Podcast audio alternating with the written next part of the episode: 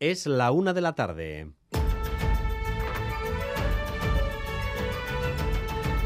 Crónica de Euskadi con Dani Álvarez. A León, el súbito aumento de las bajas en la Archaincha, sobre todo en la brigada móvil durante los días del Tour, no por previsible deja de sorprender a la opinión pública.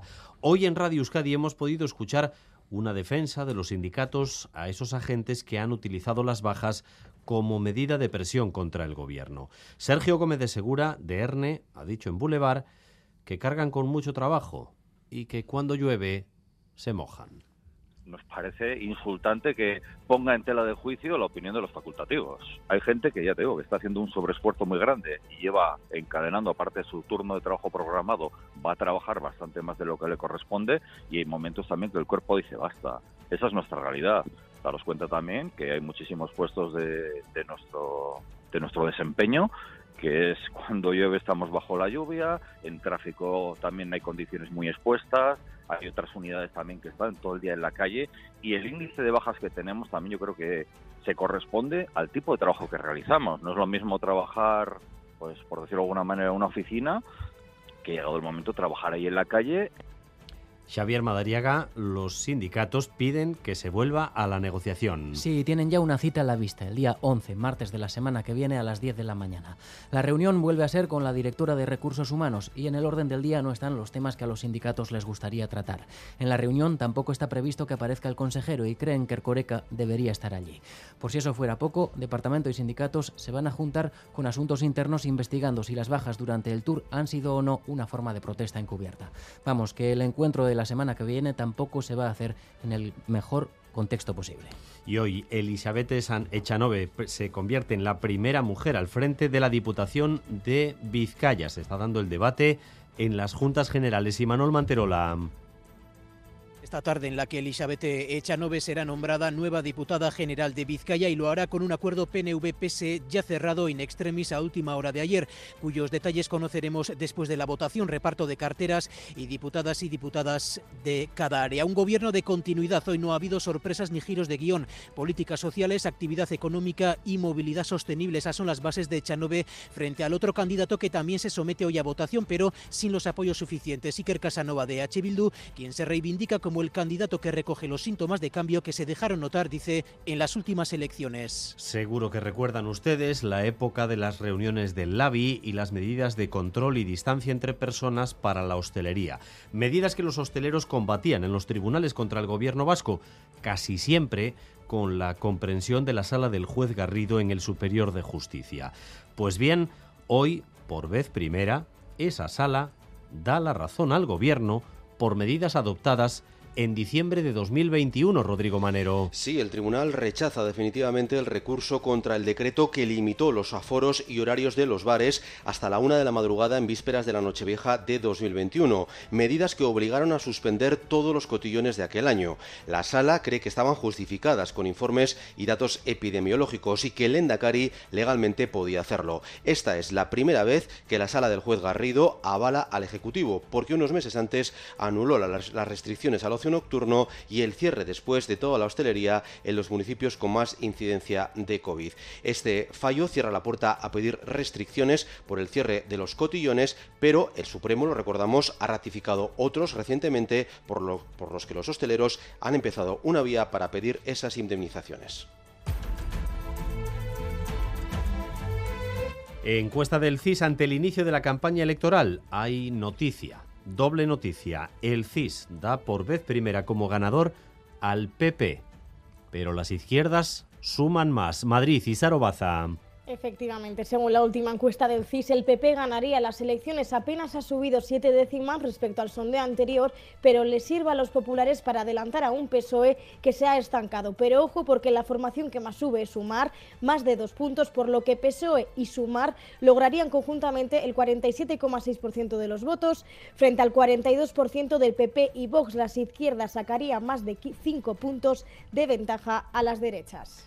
Esta noche el incendio de una subestación eléctrica entre Basauri y Arrigorriaga ha dejado sin suministro eléctrico a más de 3.000 vecinos. Ander López Lerena. Sí, un problema eléctrico en el transformador de la subestación de Iberdrola entre Basauri y Arrigorriaga ha sido el origen de la enorme columna de humo negro que ha sorprendido a los vecinos de Ego Uribe esta mañana. El incendio se ha desatado poco después de la medianoche y ha estado activo hasta las 10 de la mañana. Debido al origen eléctrico del fuego, los bomberos no han podido hacer más que esperar y vigilar que las llamas no se extendieran. 3.500 vecinos de la zona han estado sin luz durante varias horas. También está sin luz una parte del centro de Bilbao ahora mismo después del reventón de una tubería en Máximo Aguirre, porque la inundación ha afectado a la red. Gary Suárez, ¿en qué punto estamos? Hola Dani, bueno, pues ahora mismo en un punto de mucha incertidumbre. Hace unos tres cuartos de hora ha reventado la tubería en estas obras de la calle Máximo Aguirre y la calle se ha inundado por completo aunque en estos momentos eh, vemos barro, pero sí que los vecinos están pudiendo pasar por esta calle. También los comercios cercanos, algunos comercios cercanos han sido inundados. Al parecer, además, hasta que puedan solucionar el tema del agua, los operarios han tenido que cortar la luz que afecta prácticamente en su totalidad a la manzana entre Máximo Aguirre con la calle Rodríguez Arias. Hemos hablado con una comerciante que está sin luz y esto nos decía. Yo creo que han tenido que ser las excavadoras, pero ha salido cantidad de agua y teníamos miedo de que nos cortarían el agua. Total, que de repente estábamos trabajando y nos hemos quedado sin luz. Y es porque ha salido tanta agua que se ha filtrado a donde están los cables de la luz y entonces mientras que nos saquen el agua no hay luz. Bueno, pues eh, como escuchamos el cabreo es notorio y la imagen cuanto menos curiosa. Todos los trabajadores en la acera, en la calle, mirando hacia la obra y esperando noticias. Y mañana, chupinazo para San Fermín. Se está calentando como el chupinazo más rojillo de la historia. Fiesta sí, pero caña a la UEFA también por la expulsión de Osasuna de las competiciones europeas. Así que va a ser una mezcla entre el chupinazo y el pobre de mí que tendrá que entonar el presidente Sabalza Arizaguirre.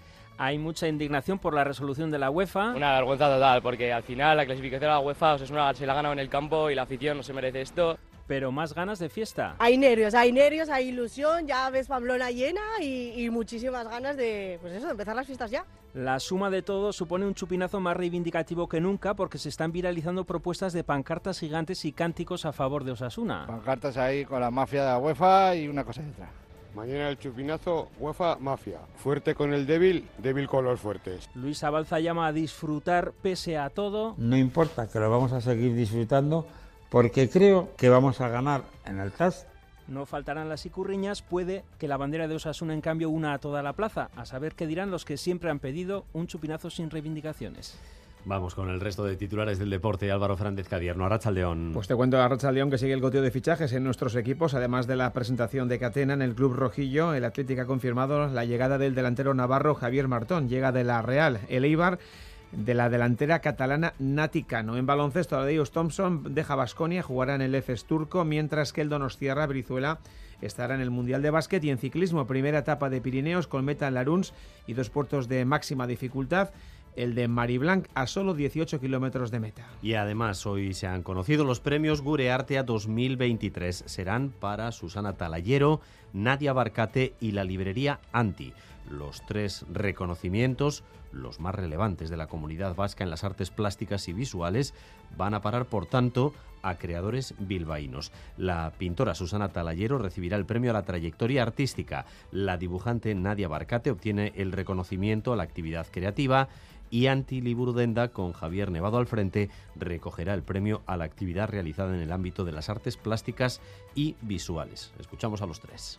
Creo que una trayectoria artística se va haciendo en torno a un cúmulo de experiencias, de hallazgo y de pérdida que se dan a lo largo de los años. Hay que acostumbrarse al vértigo de la montaña rusa y yo quiero entender este premio como un impulso para la cuesta arriba. Lo que buscábamos era un punto de encuentro para la difusión de ideas alternativas usando el libro como medio para ello. ¿no?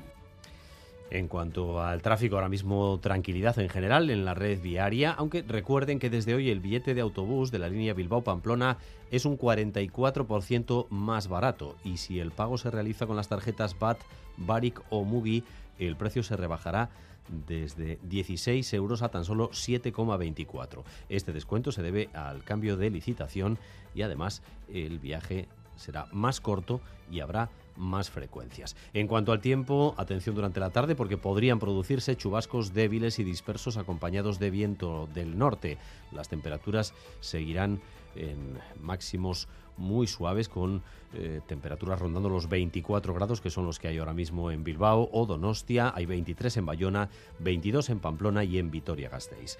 Gracias un día más por elegir Radio Euskadi y Radio Vitoria para informarse. Raúl González y Maitane Bujedo se encargan de la dirección técnica y María Cereceda de la coordinación. Crónica de Euskadi con Dani Álvarez.